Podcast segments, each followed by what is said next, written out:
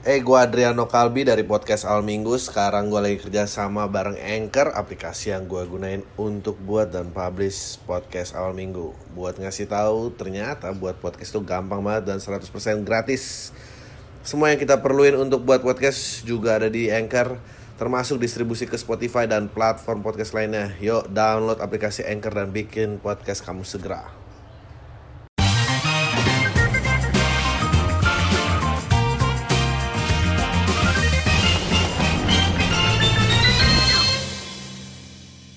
Halo semua lagi dengerin podcast soal minggu bareng gue Adriano Kalbi. Dan sekarang di minggu kedua Desember eh semoga ya kalau nggak diundur-undur A- a- semoga covid udah makin dikit eh, nggak tahu langsung aja gue capek.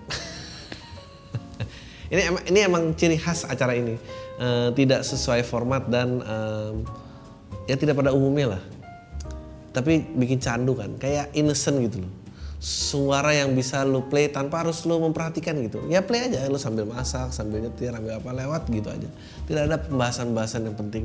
Tapi eh, dan agak sulit untuk dipromokan juga tapi once lu ketemu sukanya hmm, wah ini gokil nih. Berita ini Kiai Hafidin yang doyan poligami ceraikan istri pertama karena menopause. Gokil. Ini jadi gini, ceritanya gua gua tahu orang ini ini keren nih. Coach ya disebutnya coach ya. Coach Hafidin alias Kiai Hafidin dikenal sebagai mentor poligami berbayar. Gokil. Kiai Hafidin yang kini baru memiliki empat istri membeberkan bahwa ia sangat percaya diri praktik poligami yang semakin berkembang dan kuat. Dalam tayangan kanal YouTube Narasi Newsroom, dia pria dia pria parubaya tersebut dengan santai menyebut bahwa poligami tidak harus kaya raya. Iya, emang enggak lah, jago nipu aja gak deh. Eh, yang gue suka dari orang ini adalah kepercayaan dirinya gitu eh, bahwa ya ampun bikin les gitar aja orang jarang yang mau bayar. Ini mentor poligami lo semua mau ikut. Yang keren adalah lu pikir laki yang bakal mau banyak ikut ternyata perempuan juga banyak gitu. Um,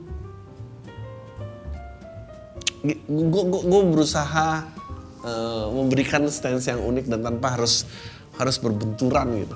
Yang jelas ini ini stance gue ini yang gue percaya dari stance gue dan ini nggak cuma tentang poligami gitu eh, monogami poliandri poliamari ma- eh, apa pun hubungan dan, dan dan semua tingkah laku manusia. Menurut gua sama kayak dosa lah. Selama lu dewasa dan waras dan lu menyatakan persetujuannya konsen lu. Ya all in lah apa pun yang lu butuh, diputuskan dalam eh, eh, apa dalam konsensus tersebut lo, lo, lo boleh mengarrange hubungan lo seperti apa aja. Beneran bo- boleh. Gue nggak judgmental uh, it's just not my cup of tea. Uh, jadi silahkan aja gue lebih problem dengan kalau monogami tapi uh, umur lebih muda. Uh, it- itu gue lebih problem. Uh, ada dia ngomong gini uh, ya hawa nafsu bagaimana? Banyak orang-orang yang ingin setia istrinya tapi punya hasrat berselingkuh. Daripada berselingkuh gue harus gue mau bilang bahwa ya ya daripada berselingkuh sih bener gue juga setuju sih gitu. Maksudnya karena perselingkuhan itu menyalahi prinsip yang gue sebut tadi bahwa orang-orang dewasa yang waras terlibat itu tidak semuanya menyatakan setuju. Yang menyatakan setuju cuma selingkuhannya. Atau bahkan yang diselingkuhi pun yang diselingkuhi tidak tahu. Bahkan selingkuhannya pun itu juga dibohongin bahwa dia sebetulnya intrinsic menurut gue itu lebih tidak fair. Apakah poligami solusinya? Itu itu gue gak tahu. Gue gue sih jujur tidak tahu gimana cara meyakinkannya gue tuh kebayang kalau gue ngomongin gue tidak tahu gimana cara meyakinkan kalau anda bingung meyakinkannya hubungi saya 555 buat ya um, dijamin berhasil 6 bulan negosiasi terhadap istri pertama tidak berhasil dijamin uang kembali. Eh, Dia, dia melakukan promo-promo seperti itu ngasih uang kembali. Ini, ini kalau kursusnya dia tidak ada yang protes uang kembali, berarti dia emang mentor yang hebat luar biasa loh menurut gue. Dia dengan santai menyebut poligami tidak harus kaya raya. Um, gue tuh ada tukang pepaya komplek. Karena panggilannya khas banget paya gimana gue nggak bisa niruin. Dia kayak kakek kecil kacamatanya tuh tebel. Gue itu suka beli pepaya dari orang itu karena gue pikir ah kasihan nih kayak kakek udah tua masih dorong dorong gerobak pepaya. Sampai akhirnya satpam komplek bilang apaan? Kasihan pak. Itu gitu gitu istrinya empat. Anjing ya juga gue nggak tahu apakah istri banyak itu lambang kebahagiaan gue juga nggak yakin. Bisa aja tukang pepaya tadi sebetulnya umurnya 25 tapi karena dirongrong empat perempuan dia jadi ciut. Bisa jadi uh, gue gini gue tuh cuma nggak suka sebetulnya cara cara dua media ini mempotret dia karena menurut gue terlalu liberal lah dan, dan terlalu undermining kita jadi nggak belajar apa-apa itu cuma langsung aja ditap ah itu mah toxic masculinity. Kayak kontennya Oza Rangkuti. Tapi gue rasa uh, nggak tahu coba coba tanya ke cewek-cewek yang ani-ani. Lebih rela jadi simpenan apa dikawinin. Perspektif itu yang tidak ada gitu. Bahwa gue bukan gue bukan yang mau bilang kayak ya ya betul kalau bisa monogami tapi kan kebanyakan banyak juga yang korban-korban perselingkuhan. Sebetulnya argumennya anjing gue tuh takut pokoknya ini klip ada di audio aja jangan ada di visual. Saya takut. Yang keren tuh punya ide mentoring poligami itu siapa yang bilang? Dia yang ngucap buat dirinya apa bininya gitu yang bilang kayaknya bapak bisa nih kalau bapak berhasil gini mungkin bapak-bapak lain bapak-bapak komplek. Mungkin awalnya uh, rumah tuh penuh dengan bapak-bapak komplek yang nggak berhenti berhenti diskusi sama dia gitu. Sampai istri-istri komplain bapak nih kerjanya ngobrol ya sama bapak-bapak lain kalau ngasih duit sih nggak apa-apa. Itu mikir oh bener juga bikin aja kursus. Atau ya bapak masukan kurang bilang kayak ya? Bapak mungkin perlu kali kan berhasil keluarga harmonis. Siapa tahu bisa ngasilin uang ya. I I, I, I don't know. Ya eh, eh, ya kalau itu rock his boat dan get rock his boat. Gue nggak nggak punya masalah. Kayaknya kayaknya kalau poligami itu kan ya semua yang terlibat memberikan setuju. Jadi ya gimana gitu kalau nggak setuju ya out of the picture aja gitu. Uh, gue nggak tahu gue juga tiba-tiba denger tiba-tiba pokoknya ada dua hari FYP gue ya anjing di TikTok. FYP TikTok gue tiba-tiba tentang poligami semua anjing kapan gue nyebut poligami? Tiba-tiba ini keluar semua. Uh, I don't know. Uh, gue kemarin bahas sama yang Lex podcastnya dia tuh ngebahas tujuh dosa pokok tujuh dosa paling maut. Uh, las itu memang bukan dosa gue sih nafsu tuh memang bukan men, kok kayaknya gak, gak, gak segitu banyak nafsunya gitu untuk kebayang bahwa oh ya cewek-cewek gue deg-degan gue kalau segitu banyak satu aja bingung komplain dan bingung apalagi dua ya gitu sih. Korban pelecehan seksual di kampus kirim surat terbuka ke Nadim. Ya ampun. Men ini tuh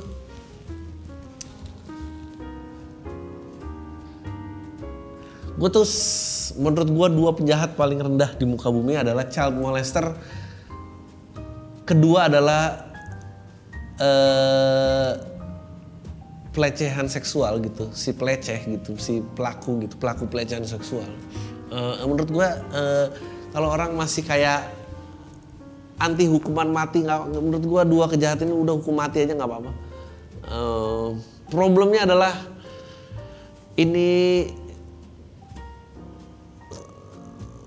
sulit menjadi kejahatan yang bisa dibuktikan. Um, lo harus mulai dari korban dan I don't know man. Menurut gue emang harus banyak edukasi ke cowok. Apalagi cowok-cowok yang position of power gitu. Power meaning uh, guru dan murid, uh, dokter dan pasien, bos dan karyawan, um, semua posisi-posisi yang menempatkan bahwa korban itu jadi vulnerable gitu dan ini memang hanya spesifik berlaku pada saat lakinya lebih di atas daripada uh, perempuannya gitu which which which is another case gitu kalau misalnya anak lelaki, murid lelaki SMA ditiduri oleh guru perempuan waktu SMA-nya, nggak nggak akan ada yang protes. Tapi kalau posisi itu di reverse, semua orang pasti protes. It, it, itu beda lagi. Tapi memang dokter, guru, dosen kan guru ya, guru, bos itu position of power itu. Itu dia kenapa tuh tabu hubungannya. Karena ya kembali lagi ke konsep konsen tadi gitu bahwa eh ya nggak ada yang perlu konsepnya itu tidak dalam kesadaran diri yang penuh kan waras ya waras juga salah satu uh, syarat yang utama jadi dewasa dan waras jadi karena posisi lawannya ada orang-orang yang memiliki position of power kewarasan itu jadi hilang gitu jadi abuse bentuknya saya perempuan dan saya adalah tenaga pendidikan dari negara kita kata korban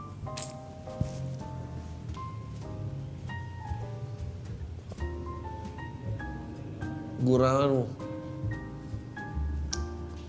saya merasa di fase kebingungan dalam waktu lama dan teman saya mewajarkan pelecehan dilakukan oleh pelaku dan menganggap sebagai gurauan. Ya, ah hopefully lu dapet justice lo. Um, gue nggak tahu ini separah apa kasusnya dan beneran sampai ke meja pengadilan um, ya gitulah. Cerita lengkap Yana prank cadas Pangeran yang membuat 200 anggota Polri dan TNI dan tim SAR kerepotan. Nama Yana Supriyatna tengah menjadi perbincangan di masyarakat ini dikabarkan hilang dari cadas Pangeran Sumedang Jawa Barat. Pada Selasa dua hari kemudian Kamis pegawai ini salah satu kantor notaris di Jatinangor Jabar ditemukan di Majalengka. Ternyata Yana sengaja menghilang hingga ke Majalengka karena salah pekerjaan dan keluarga. Cerita prank Yana ini berawal dari ya mengirimkan suara pesan kepada istrinya dari aplikasi WhatsApp yang mengatakan bahwa dia sedang istirahat di sebuah masjid di simpang pemulihan. Yang menyebutkan ada seorang yang menumpang searah salah arah menuju Sumedang. Yang kemudian mengirimkan pesan seolah-olah menjelaskan dia butuh bantuan. Pria ini mengatakan sudah tidak kuat namun tak jelas kata tak kuat yang dimaksud. Pihak keluarga kemudian melapor kejadian kepada polisi. Di, kemudian dilakukan pencarian polisi dan pihak keluarga kemudian menemukan foto Riana kondisi dikunci stang di Cadas Pangeran. Sebanyak 200 personel gabungan Polres Sumedang, Kodim Sumedang, Badan Penanggulangan Anjing. Pencarian namun hingga Rabu sore Yana tidak kunjung pada Kamis sore pihak kepolisian akhirnya menemukan Yana bukan di Cadas tapi di Majalengka. Ini kenapa sih orang? Eh, ada lagi tuh yang ngirim pesan ke istrinya sok-sok ngilang ternyata dia berpinjol anjing banget. Duh,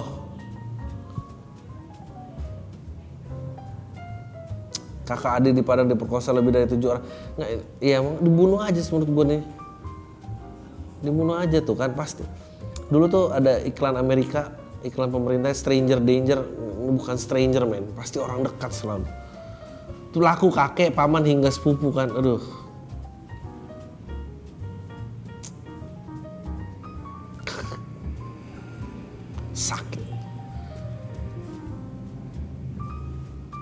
sakit nih orang-orang gini emang matiin aja nggak apa-apa matiin beneran gue sih pro hukuman mati kalau yang gini.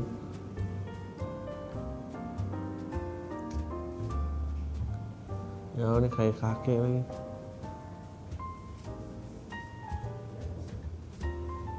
Duh ada lagi, kan child molester 16 tahun matiin aja. Dia di penjara juga mati pasti.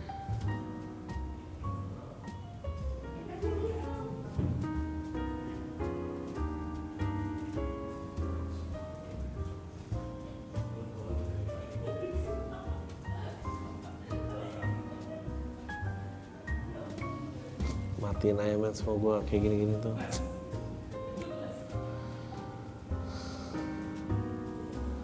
ini mahasiswa yang protes aksi Deddy Mulyadi. Enggak pak, saya tidak protes, tapi saya menanyakan kewenangan dan kompetensinya. Tidak butuh kompetensi adalah mengangkat sampah. Deddy Mulyadi itu siapa ya by the way?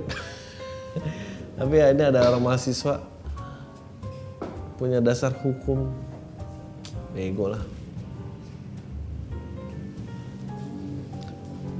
PSBK Mandalika sebuah, sejumlah anjing ditemukan mati warga menduga diracun.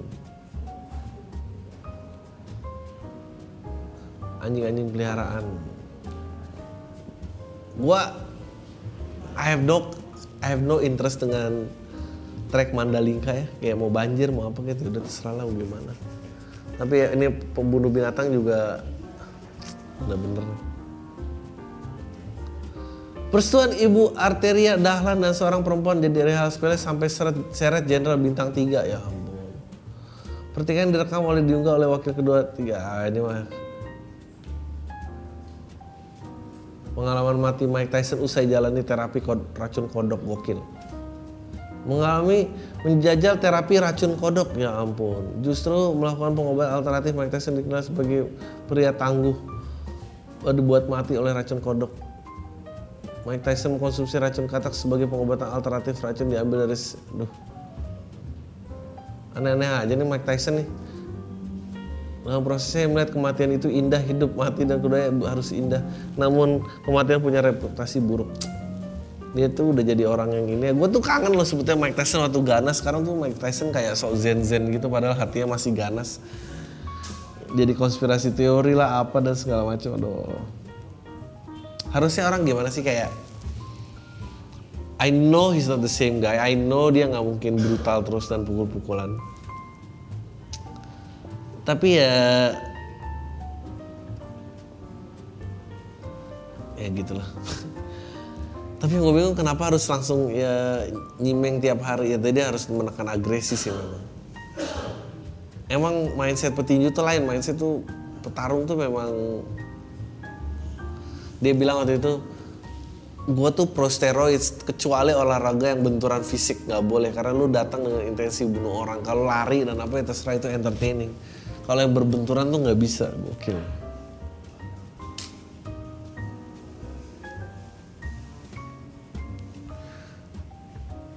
Nama perjalanan bocah dengan nama 19 kata kini dapat akta lahir. Ayahnya pernah tulis surat terbuka untuk Jokowi. Uh, orang tua. Anjir ini emang anjing banget orang tuanya. Orang tua dan keluarga Kordo anak yang namanya terdiri 19 kata sepertinya bisa bernafas lega. Kini Kordo memiliki akta kelahiran. Demi Kordo mendapat akta kelahiran orang tuanya dan keluarga memilih untuk mempersingkat nama bocah asal Tuban Jawa Timur. Awalnya balita tersebut bernama Rangga Madipa Sutra Jiwa Kordo Sega Akre Askala Mugal Ikhnat Akbar Sakra Pitari Ziyad Saifuddin Kutus Kosola Surah Talenta. Pasti kalau mau ngejok kayak kalau ini perempuan gimana ijabnya? Siapa sih yang hafal orang tua juga pasti lupa lah. Gue lagi berusaha mencari angle lain selain itu. Apa ya?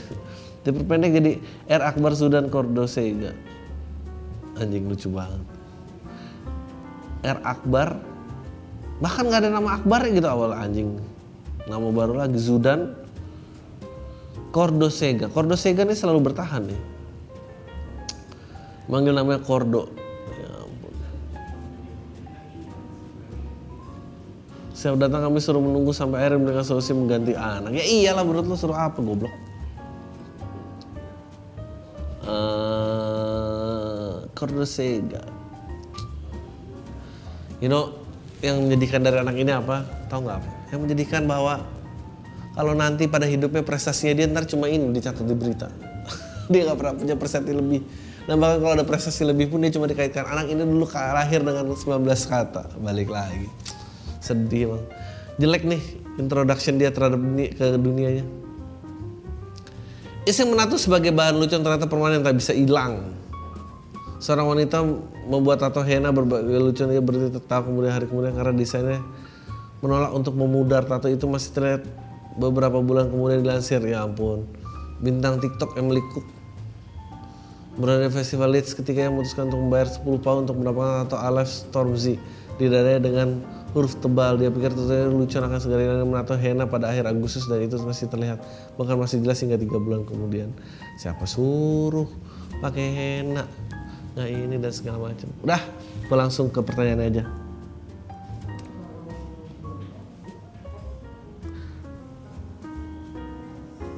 Oke.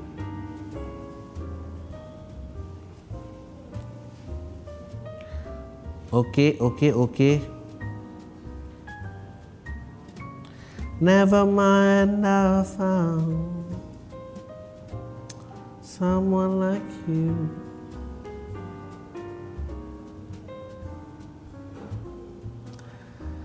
Glorifikasi pernikahan itu bullshit. Oke. Pasti ini orangnya belum nikah. Jangan sebut nama gue, saya Oya umur 23 tahun perempuan yang belum pernah pacaran sama sekali karena itu saya nggak punya tenaga untuk melakukan hal itu. Saya bingung bang kenapa setiap saya cerita hal seperti itu soalnya dianggap punya ketertarikan sama-sama jenis bilang ntar jadi perawan tua lah pokoknya sering dianggap aneh apalagi kalau ditanya soal pernikahan saya selalu jawab saya belum punya pikiran bahkan sebenarnya gak akan mau Ingat keluarga saya sendiri berantakannya minta ampun saya dari kecil selalu lihat orang tua saya berantem sampai saya ketika ingat ketika papa ngebanting mama udah kayak di smackdown gokil. Karena pertama saya sering misahin mereka sampai bosan kewalahan episode paling lucu adalah ketika mama saya bawa pisau ngancam-ngancam mau nusuk papa saya. Papa jingkrak-jingkrak ketakutan sambil teriak-teriak kalau diingat-ingat kadang nyesel kenapa dulu nggak dibiarin aja. Kali aja itu hal yang bikin mereka kapok. Ditambah lingkungan saya banyak yang ngutang sana sini buat bantu suaminya ya ampun. Tambah lagi saya kerja di toko dengan orang-orang yang udah tua dari lima orang yang dua udah cowok belum menikah dan satu cowok udah menikah tapi selalu cerita betapa bosan sama sikap istri yang selalu nontonin YouTube sampai katanya lupa sama anak. Yang dua cewek dua-duanya cerai suaminya selingkuh satu udah nikah lagi. Saya kerja di situ terpaksa karena harus bayar bayarin utang ortu. Makin-makin dah nggak ada waktu dan duit buat pacaran mana saya berantem mulu sama orang tua saya karena sekarang udah berani ngelawan. Dan udah nggak tahu harus ngapain lagi. Saya pernah hampir jadian sama cowok tapi entah kenapa saya malas untuk buat balasin chat. Harus perhatian apalagi harus keluar di malam minggu atau kencan atau hangout. Karena nggak ada tenaga ya udah habis mikirin keluarga inti. Dan sampai sekarang masih awet awet rajat apa sih? Padahal saya dan adik-adik udah pengen banget minta berdua mereka cerai, tapi susah minta ampun karena kita miskin. Tahun depan utang ortu saya atas nama saya lunas. Saya pengen banget tinggal lingkungan yang bikin pusing ini. Saya kasihan sama adik saya yang bungsu, dia autis ya. Hidup lu berat banget men. Emang bener nikah tanpa persiapan itu sama aja bunuh diri secara perlahan, perih. Ngutang juga sama kayak menikahi kemiskinan udah harus mikir hidup bersama utang yang kalau udah toksik sulit keluar dari lingkaran setan menurut Bang Adri. Saya harus gimana Bang? Udah segini aja Bang Adri. Semakin hari semakin aneh tapi seru. Thanks Bang, gue bersyukur karena podcast minggu ada. Men, menurut gue lu salah satu kisah hidup paling berat yang pernah ada sih yang pernah gue denger. Uh, gue nggak tahu gimana caranya uh, mungkin mungkin ya mungkin tapi lo harus belajar hidup untuk diri lo sendiri mungkin gue gue nggak tahu apa bentuknya ya gue setuju sih karena lo biasa yang uh, ngeliatin orang tua bertengkar dan lo harus mikul beban orang ekonomi orang tua lo jadi lebih dewasa lo nggak puas sama permainan-permainan orang-orang yang kayak masih harus kencan pergi malam minggu lalala. Buat lo itu hanya ya buang-buang uang aja gitu. Maksudnya ya terus lo mau apa gitu? Lo harus ya udah lo harus pergi aja. Um, ada lagu Tracy Chapman judulnya Fast Car uh, lu tonton eh lu dengerin. Kalau nggak bisa bahasa Inggris coba translate teksnya. Gue rasa lagu itu punya spirit yang sama. Hmm, ya. Coba aja untuk hidup lu sendiri men. Lu real banget masalah gokil dan email kita selanjutnya. Menentukan masa depan anak yang perawanin jodoh orang di usia dini. Gokil luar biasa. Satu kelilit utang orang tua satu lagi. Bang gua anak SMA bingung. Finally jujur li ya, umur gue udah 17 tahun mencoba untuk berhenti kayak apa yang lu bilang aja semoga batas yang lu bilang bisa buat gue mikirin selangkarangan terus. Kalau cetan sama cewek. Apalagi kamar mandi sekolah kalau udah lupa 19 November 2020 menit 33 di situ gue bingung gue udah mulai mikir gue mau mau ke angkatan kayak polisi atau TNI atau kuliah karena menurut diri gue ortu gue pengen gue kuliah gue masih nggak enak karena ortu gue bisa dibilang bokap. Gue maunya TNI atau polisi karena di keluarga besar belum ada yang sama sekali angkatan atau PNS gue pernah dengar juga permintaan dari kakek gue yang udah meninggal makanya mungkin bokap gue mau gue masuk angkatan tapi sebenarnya gue mau masuk angkatan kayak TNI gue dari SMP udah niat banget. Oke okay, good tapi setelah banyak nongkrong dan ngobrol soal pekerjaan dan pendapat Eh, hey, gue Adriano Kalbi dari podcast Al Minggu. Sekarang gue lagi kerja sama bareng Anchor, aplikasi yang gue gunain untuk buat dan publish podcast Awal Minggu. Buat ngasih tahu, ternyata buat podcast itu gampang banget dan 100% gratis. Semua yang kita perluin untuk buat podcast juga ada di Anchor, termasuk distribusi ke Spotify dan platform podcast lainnya. Yuk, download aplikasi Anchor dan bikin podcast kamu segera pertanyaan gaji apa yang harus dilihat dari polisi TNI kerjanya cuma gitu doang ya? Udah mana dikejar cuma pangkat lewat kejilat atasan. Menurut lu gimana ya bang? Gua harus apa? Ikutin mau mereka ngomong aja apa mau yang kuliah? Ah menurut gua ya lo harus cari tahu lu maunya apa sih. Kalau punya kesempatan kuliah orang tua lu punya bisa ngasih kesempatannya. Kalau enggak ya manfaatin kesempatan yang ada sih uh, itu hanya akan gitu aja kalau lu bikin gitu aja sih. Oh iya.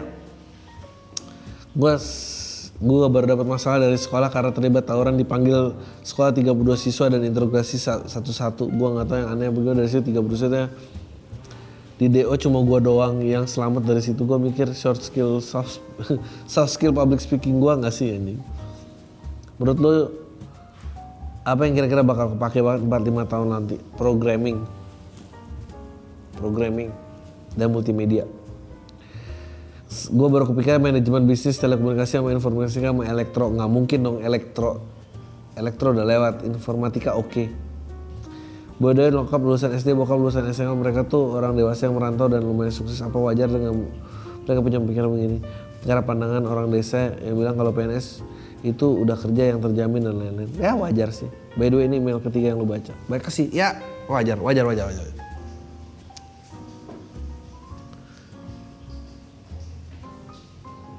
Oke nih. Menikah nggak buka pintu rezeki. Bang jangan sebut nama saya karena saya mau cerita saya pendengar baru saya mau cerita. Sebelum menikah saya punya cicilan alhasil uang belanja yang saya kasih istri berkurang. Dan saya dan istri sama-sama kerja. Tapi tiap jatuh tempo utang saya istri ke sana cemberut aja. Padahal itu utang saya yang bayar. Dan lagi dia juga bekerja gaji kami sama UMR Jatim tempatnya UMR Kota Surabaya. Kalau penghasilan kami digabungkan ada sekitar 9,5 juta. Dari penghasilan ini bayar listrik sama pedam per bulan sekitar 600 ribu belanja kebutuhan bulan sekitar 460 utang saya cicilan 580 bang dan berlunas bulan Desember ini.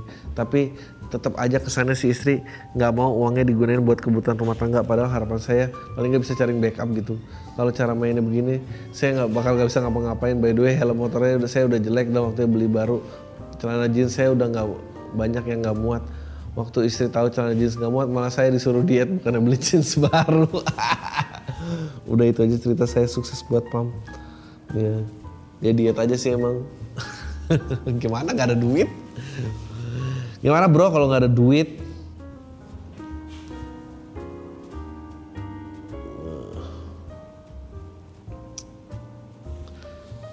Oke, okay, apalagi ya? Gagal open BO part 2. Oke, okay, anjing. Mau part 2, Bang? Iya, yeah, TikTok. Uh, ampun bang, gue udah nyerah, nggak lagi-lagi gue open BO. Jadi lanjut email yang semalam bang sore ngirim email dua kali di waktu berkat ini gue cuma berbagi kecemasan pengalaman gue. Jadi setelah email lu gue masih nggak bisa tidur dan makin merasakan gue rasa nanggung banget. Akhirnya gue cari lagi satu, ketemulah satu cewek deal di angka 500 dengan catatan bayar di kamar biar nggak ketipu kayak sebelumnya. Singkatlah gue gue di lokasi dan bayar di tempat ya udah gue eksekusi. Tapi ternyata ML itu paling gak enak yang gue rasain bang. Bangsat ML tanpa emotional attachment gak enak banget gue ML sama robot. gak ada rasa sama sekali udah gitu ceweknya bau lagi bikin gue turn off ya ampun kasihan banget. Emang gak suruh mandi. Akhirnya gue udahin bang gitu aja tanpa sempet. Dan pamit pulang gue udah kapok bang nyobain open BO. nggak mau nyobain lagi gue heran kok orang bisa ML sama orang asing yang nggak ada perasaan apa gue mending ML sama pacar yang udah nggak jelas gue mendingan ML sama pacar aja yang udah jelas oh sorry sorry ada intimasi biarpun pacar sekarang masih nggak mau diajak ML gue gue bersyukur sih bang pengalaman pertama BO gue mengecewakan gini. Soalnya kalau happy dan sesuai ekspektasi gue pasti nggak akan bisa lepas dari dunia ini. Emang gitu. Emang gitu. Dalam dalam pemesanan BO pun ada hikmahnya ya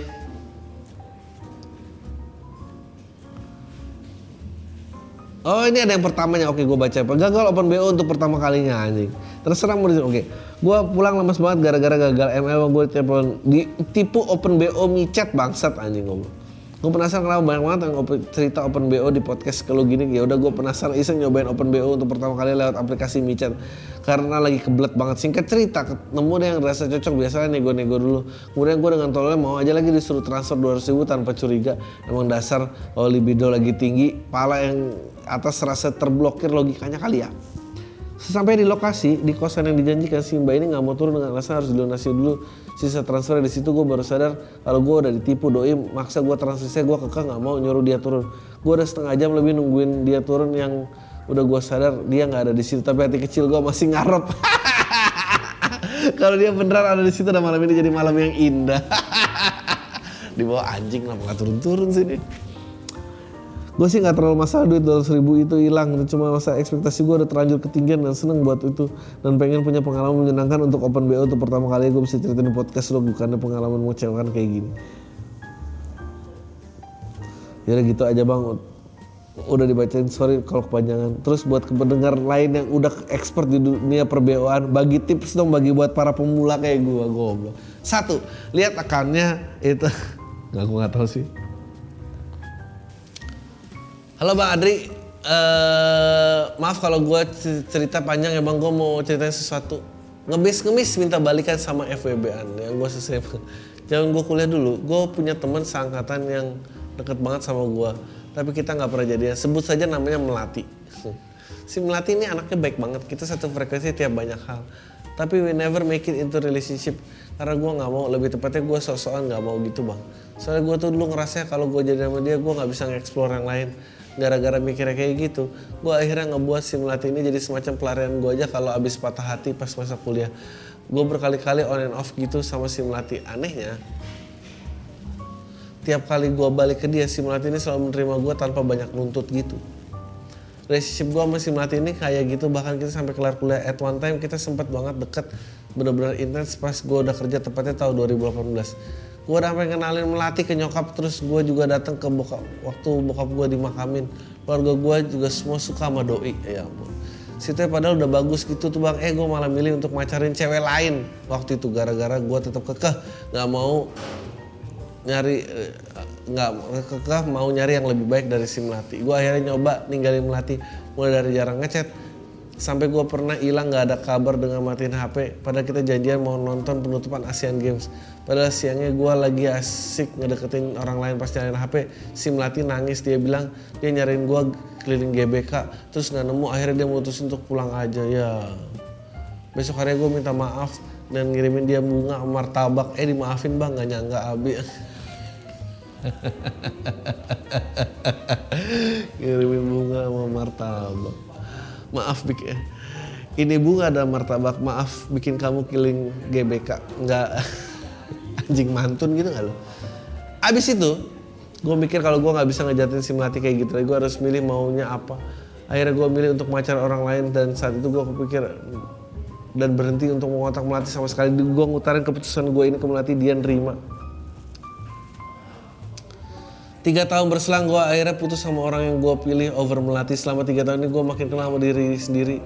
Apa yang menjadi apa yang gue pengen dan ternyata banyak banget sifat yang kebiasaan dari pasangan ideal versi gue ada di melati.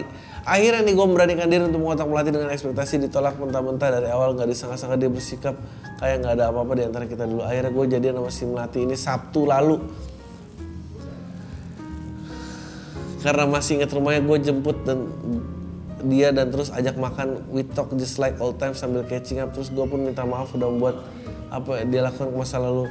Dia pun dengan enteng bilang sebelum kamu minta maaf aku pun udah maafin kok. Gue seneng banget di hari itu. Oke okay. gue seneng banget di hari itu. Di akhir hari pas gue antri dia pulang gue bilang ke dia dulu setiap aku mau balikin kamu intensiku nggak jelas. Sekarang aku mau clear my intention from the start Cie. I want to beg you I, I want to beg you. Bukan dong. I beg you to give me a chance once more to have a serious relationship with you terus jawaban dia gini This past three years, aku punya orang yang nemenin aku, aku ngerasa cocok banget sama dia sampai sekarang. Tapi kita emang beda agama.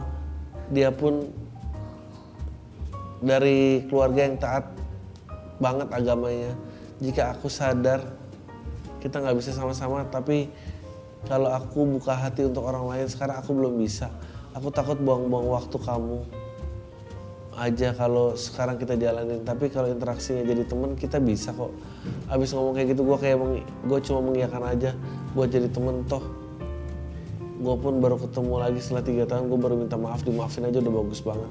Tapi sekarang gue bingung tuh dia mikirnya gimana ya? Apa dia sebenarnya emang cuma mau jadi temen? Atau gue sebenarnya ngebelain gue buat usaha lebih? Kira-kira gue harus gimana ya bang Adri? Apa yang harus gue lakuin untuk mulai hati dia lagi? Bang ya tunjukkan lu, lu pengen dia lah apa yang dia cari, apa yang bisa lu penuhin gitu. Ya ampun gitu aja bingung banget lu.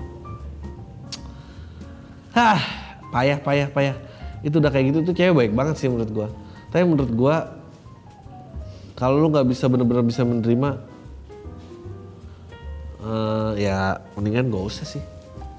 Mendingan gak usah. Tembak tidak ya, tembak tidak ya. Halo bang gue cowok 27 tahun emang mulai punya keinginan serius menikah. Gue mencerita sebulan ke, ke belakang gue akrab sama seorang cewek di tempat kerja. Si cewek ini lumayan kayak jadi sumber perhatian orang lain. Yang bisa dibilang cukup populer cewek ini baru kuliah semester 2an eh nah kecil dong. Ini sembari kerja juga gue tuh bilang cowok pendiam pemalu gitu kalau di lingkungan apalagi buat godain cewek sama sekali. Nah satu malam cewek ini tuh nge DM gue kayak basa-basi gitu akhirnya kita akrab sampai sekarang. Gue bingung tuh nih cewek maksudnya apa ya? Kayak agresif gitu nge WA duluan atau gimana? Gue cuma rada insecure. Inget dia kalau lumayan populer sedangkan gue cuma sampah cie gue nggak mau kegeeran. Gue sadar diri gue lebih tua dan gak ada yang menarik dari gue dari segi fisik maupun finansial. Tapi lama-lama gue nyaman dengan perlakuannya menurut lo gue suka sama dia nggak bang? Takutnya kalau gue nembak malah jadi gerusak suasana ya lu suka mending lu tanya aja lu kenapa ya kayak gini sama gue saya kan udah hampir om-om tapi belum punya uang jadi tidak begitu senang Kenapa kalau yang semester 2 masih mau sama saya gituin aja.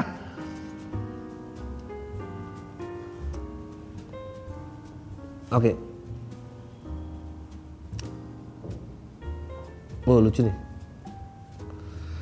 Kena panik attack pertama kali dengerin PAM. Jadi ceritanya pacar aku suka banget dengerin podcast awal minggu dari tahun 2016. Setiap episode dia pasti dengerin kalau ada episode baru dia selalu up di story dan di tweet. Tiba-tiba post kalau akhirnya email yang dia kirim dibacain di PAM. Di episode 22 Februari, dia kirim email intinya ngeritain hubungan kita yang LDR dan selalu dibayarin pas check-in. Tapi dia ngerasa risih karena dia selalu diawasin di medsos. Anjing. Ternyata di episode 3 Mei emailnya dia juga dibacain isinya dia confess kalau lagi bosan sama aku. Oh shit.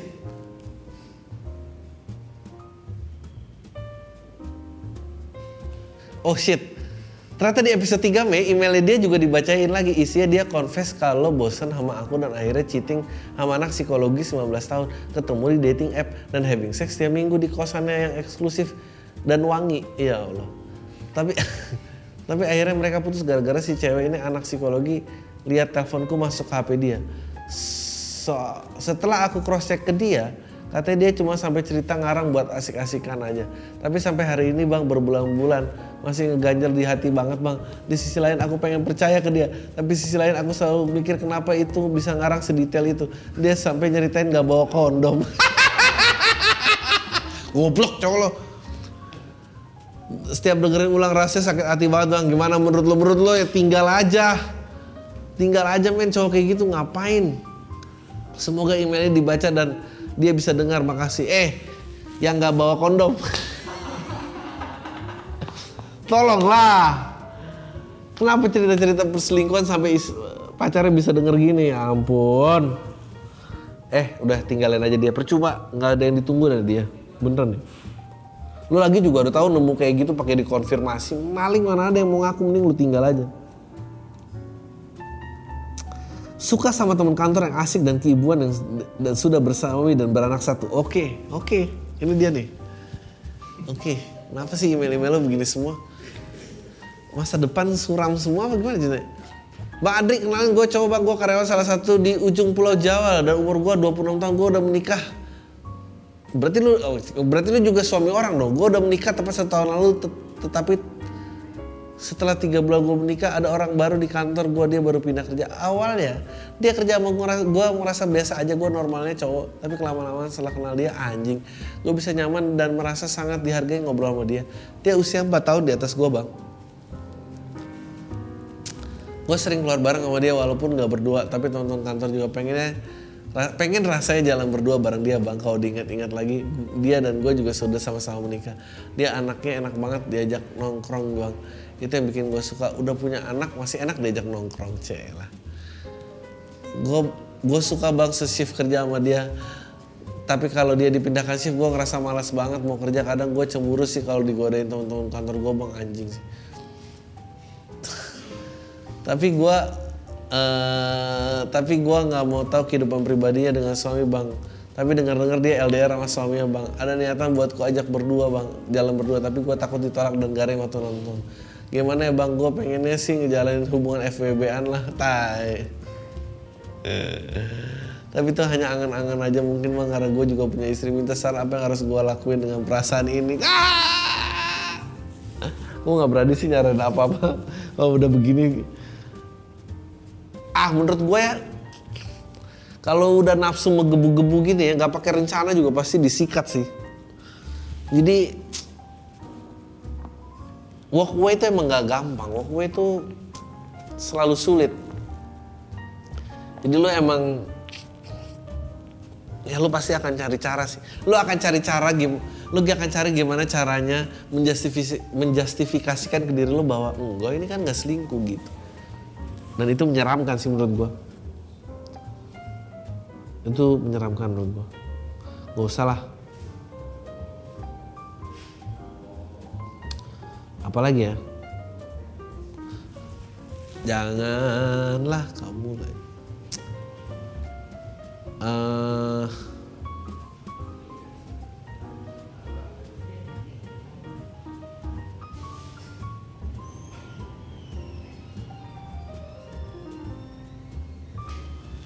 gua nggak pernah pacaran duh ada email email really in this era tuh apa sih Eh, eh, eh, eh, eh, eh, eh, eh. Eh, eh, eh, eh, eh.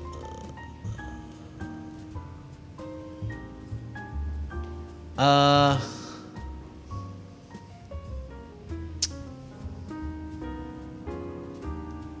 apa ya apa ya apa ya apa ya apa ya apa ya utang sama dengan haram. Malam bang. Gue punya gue punya nenek. Seperti orang tua yang pada umumnya taat agama sudah naik haji dan umroh beberapa kali tapi masih suka nyinyir orang. Saya seorang pekerja keras gaji saya bisa dibilang di atas rata-rata teman saya. Umur 23 tahun tiap bisa kerja 6 sampai 7 juta. Dengan tanggungan bayar kuliah nafkah keluarga nah waktu itu nanya apa sih? Nah ngebatin kayak kamu kan kamu itu bukan capek kerja kamu itu capek bayar utang bayar rumah bayar rumah kok ngutang. Makanya nabung biar baru beli rumah. Lah lo nggak ngutang mau dapat rumah tahun berapa tahun harga berapa anjing lah dalam hati saya. Menurutmu gimana bang dengan sifat orang tua begini? Ah menurut gue gini. Ini terakhirnya gue capek. Lo bantu bayar nggak? Kalau nggak bantu bayar udah nggak usah komen udah gitu aja itu paling simpel dalam hidup. Nenek lo bantu bayar nggak? Kalau nggak bantu bayar udah nggak usah komen. Udah itu aja. Ini juga dia bentar lagi mati. Diemin aja. Udah itu aja lo semua. Deh tai lo semua. Cut.